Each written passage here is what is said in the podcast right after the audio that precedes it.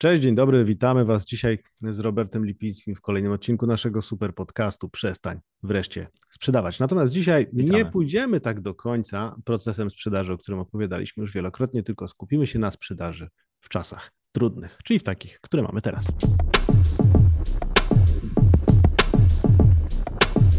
Początek 2023 roku. Sytuację mamy następującą. Inflację w wysokości około 20%, no i problemy w sprzedaży.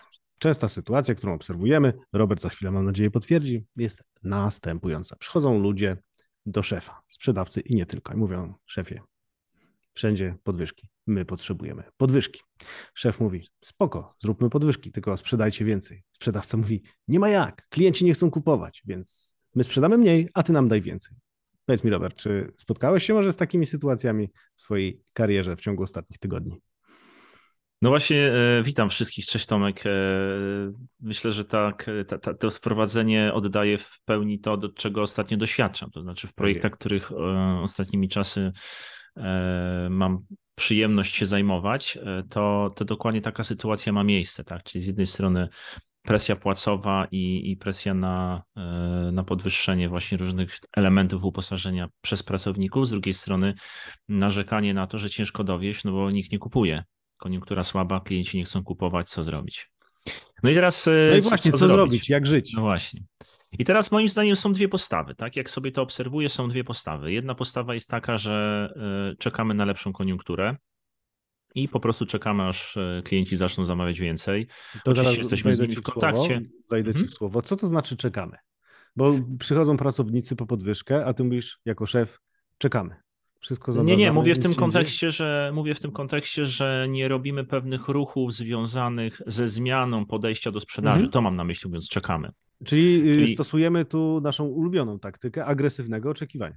Tak, czyli mamy określoną grupę klientów, mamy określony rynek, mamy gdzieś tam określone terytorium, na którym działamy. Wiemy, że dynamika co roku była powiedzmy na poziomie X, teraz będzie trochę na poziomie X minus coś, no bo Mhm. może być mniejsza, no ale de facto nie przewróci to firmy, więc czekamy. I to jest jakby jedna mhm, postawa. mhm. Natomiast coraz częściej obserwuję drugą postawę. Uważam, że ta postawa jest zdecydowanie lepsza na, na te trudne czasy.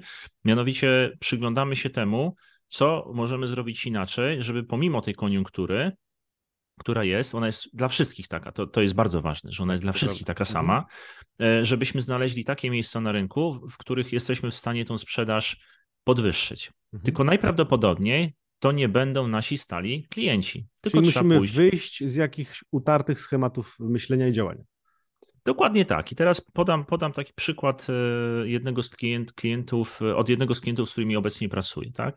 E, Dokładnie taka sytuacja spotkała tę firmę, o której teraz myślę, że co roku było fajnie, przez wiele lat przyzwyczailiśmy się do stałych wzrostów, wszystko było dobrze i teraz nagle nie wiedzieć czemu albo wiedzieć czemu, ale nasza sprzedaż stoi na poziomie e, nie takim, jakbyśmy chcieli. Mhm. No i oczywiście pojawiły się również te rzeczy, o których rozpocząłeś, e, czyli że e, no nie możemy przywieźć więcej z rynku, bo klienci nie chcą kupować, a my byśmy chcieli więcej zarabiać. No i tutaj decyzja właścicieli zarządu była taka, że ok, to teraz musimy przyjrzeć się temu, kto na rynku oprócz tych klientów, których już mamy, może potencjalnie mieć taki problem, który my jesteśmy w stanie rozwiązać, albo dać mu taką wartość, która sprawi, że on za tą wartość będzie chciał zapłacić.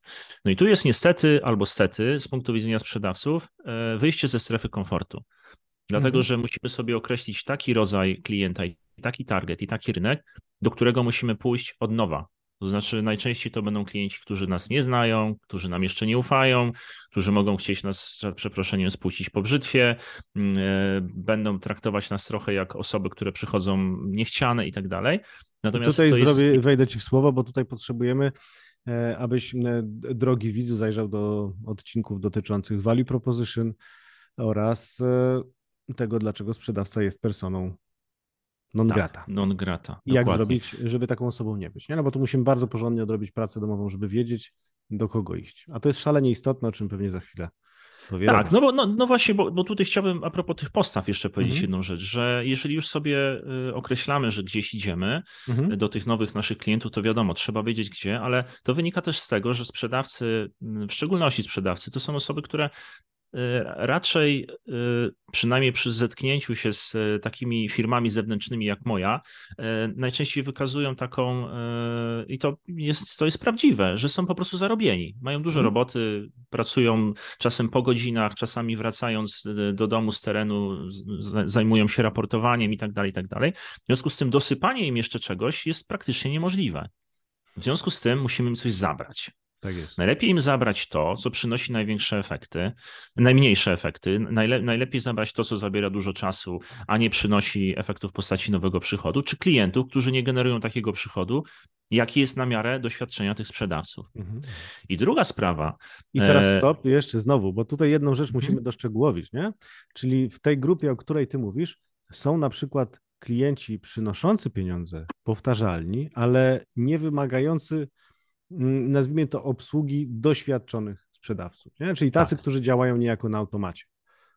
Dokładnie, to, to, jest, to jest dokładnie to, co powiedziałeś, czyli sprzedawcy bardzo często nie chcą oddawać takich klientów, bo myślą, że jak ich oddadzą, to coś im się nie zaliczy i tak dalej. To jest kwestia ustawienia systemu, czy im się zaliczy, czy nie. To, mhm, to nie chcę teraz wchodzić. Natomiast istotne jest to, że doświadczenie tego, nazwijmy to zawodnika, ono jest potrzebne gdzie indziej. Bo tutaj powiedzmy, że dział obsługi klienta, czy dział digital sales, czy jakikolwiek inny dział w firmie będzie w stanie obsłużyć pewne zapytanie, które przyjdzie, czy załatwić jakąś trudną sprawę, reklamację i tak dalej. Wiadomo, że najlepiej by to zrobił ten mój ulubiony sprzedawca, ale on jest potrzebny teraz gdzie indziej. On jest potrzebny w miejscu, w którym nawiąże kolejną, kolejny kontakt, zbuduje zaufanie u kolejnego klienta i sprawi, że ten klient za jakiś czas znowu, tak jak ten, o którym teraz mówimy, będzie naszym klientem stałym. Tak jest. I tu chciałbym powiedzieć tylko jedną rzecz odnośnie tych, e, tego planowania i prognozowania przychodów, bo o tym już wielokrotnie mówiliśmy, ale myślę, że to nigdy za wiele. Możemy podejść przez pryzmat e, wzrostów e, związanych z dynamiką wzrostów historycznie. I tak bardzo często to firmy robią, i w sytuacji gorszej koniunktury są gotowe na to, że ta dynamika na razie będzie mniejsza, ale wrócimy do, do tego, jak, jak się koniunktura zmieni. A druga opcja jest taka, że na przykład, jeżeli ta dynamika mówi o tym, że mamy zarobić 100 tysięcy więcej, to my możemy się zastanowić, czy tych 100 tysięcy albo więcej niż 100 tysięcy nie wyjmiemy z rynku, z miejsc, których nas jeszcze nie było. I to często bywa łatwiejsze, paradoksalnie, dlatego że jeżeli operujemy na e, przychodach e, per klient większych niż 100 tysięcy, to de facto jeden klient nowy może nam zasypać całą tą dziurę a podwyższenie cen o 10 czy 15% u każdego, no to może być trudne, łatwe, w zależności od tego właśnie, e, jak wygląda rynek. Jesteśmy już po fali podwyżek i to myślę, że jest problem, że firmy już dokonały podwyżek, a mimo to inflacja jest w tej chwili trochę wynikowo wyższa, więc klienci mogą nie być otwarci na kolejne e, podwyżki. W związku z tym być może paradoksalnie lepiej będzie znaleźć nowego klienta, który nam zagospodaruje całą tą kwotę, którą chcemy przynieść jako jest, dodatkową. Jest szansa. I pamiętajmy jeszcze jedną rzecz, na koniec dodam, jesteśmy w trudnych czasach, a dopiero one weryfikują, czy tak naprawdę firma, która prowadzimy, dobrze działa i czy ma szansę przeżyć ten trudny czas. No bo w sumie, gdy jest dobrze, to wszystkim jest dobrze. Dokładnie. Ja bym jeszcze dodał, że to jedna, jedna rzecz jest istotna, że w momencie, kiedy dokonamy pewnych zmian e, organizacyjnych, procesowych w trudnych czasach, to dynamika wzrostu, kiedy czasy będą lepsze, będzie zdecydowanie większa niż zaczekamy z tymi zmianami do dobrych czasów. Tak jest. To myślę, że nie ma co. No nie wiem, czy jeszcze będzie chciał z tym podyskutować, bo zapraszamy do dyskusji w komentarzach, ale wydaje mi się to dość, dość oczywiste. Mhm. E, podkreślę jeszcze jedną rzecz, żeby ona naprawdę mocno wybrzmiała. Jeśli mamy zmienić podejście do sprzedaży, to nie oznacza, że sprzedawca musi mieć 200% czasu dziennie. On z czegoś po Absolutnie. prostu musi zrezygnować, być bardziej selektywny, dużo lepiej odrobić pracę domową e, z value proposition i z tego obrazka naszego klienta i dobierać ich po prostu bardziej świadomie. Nic dodać, nic ująć. Wszystkiego dobrego. Powodzenia w polowaniu na nowych klientów i dajcie im dużo Wszystkiego dobrego. Wszystkiego dobrego. Na razie. Pa. Cześć.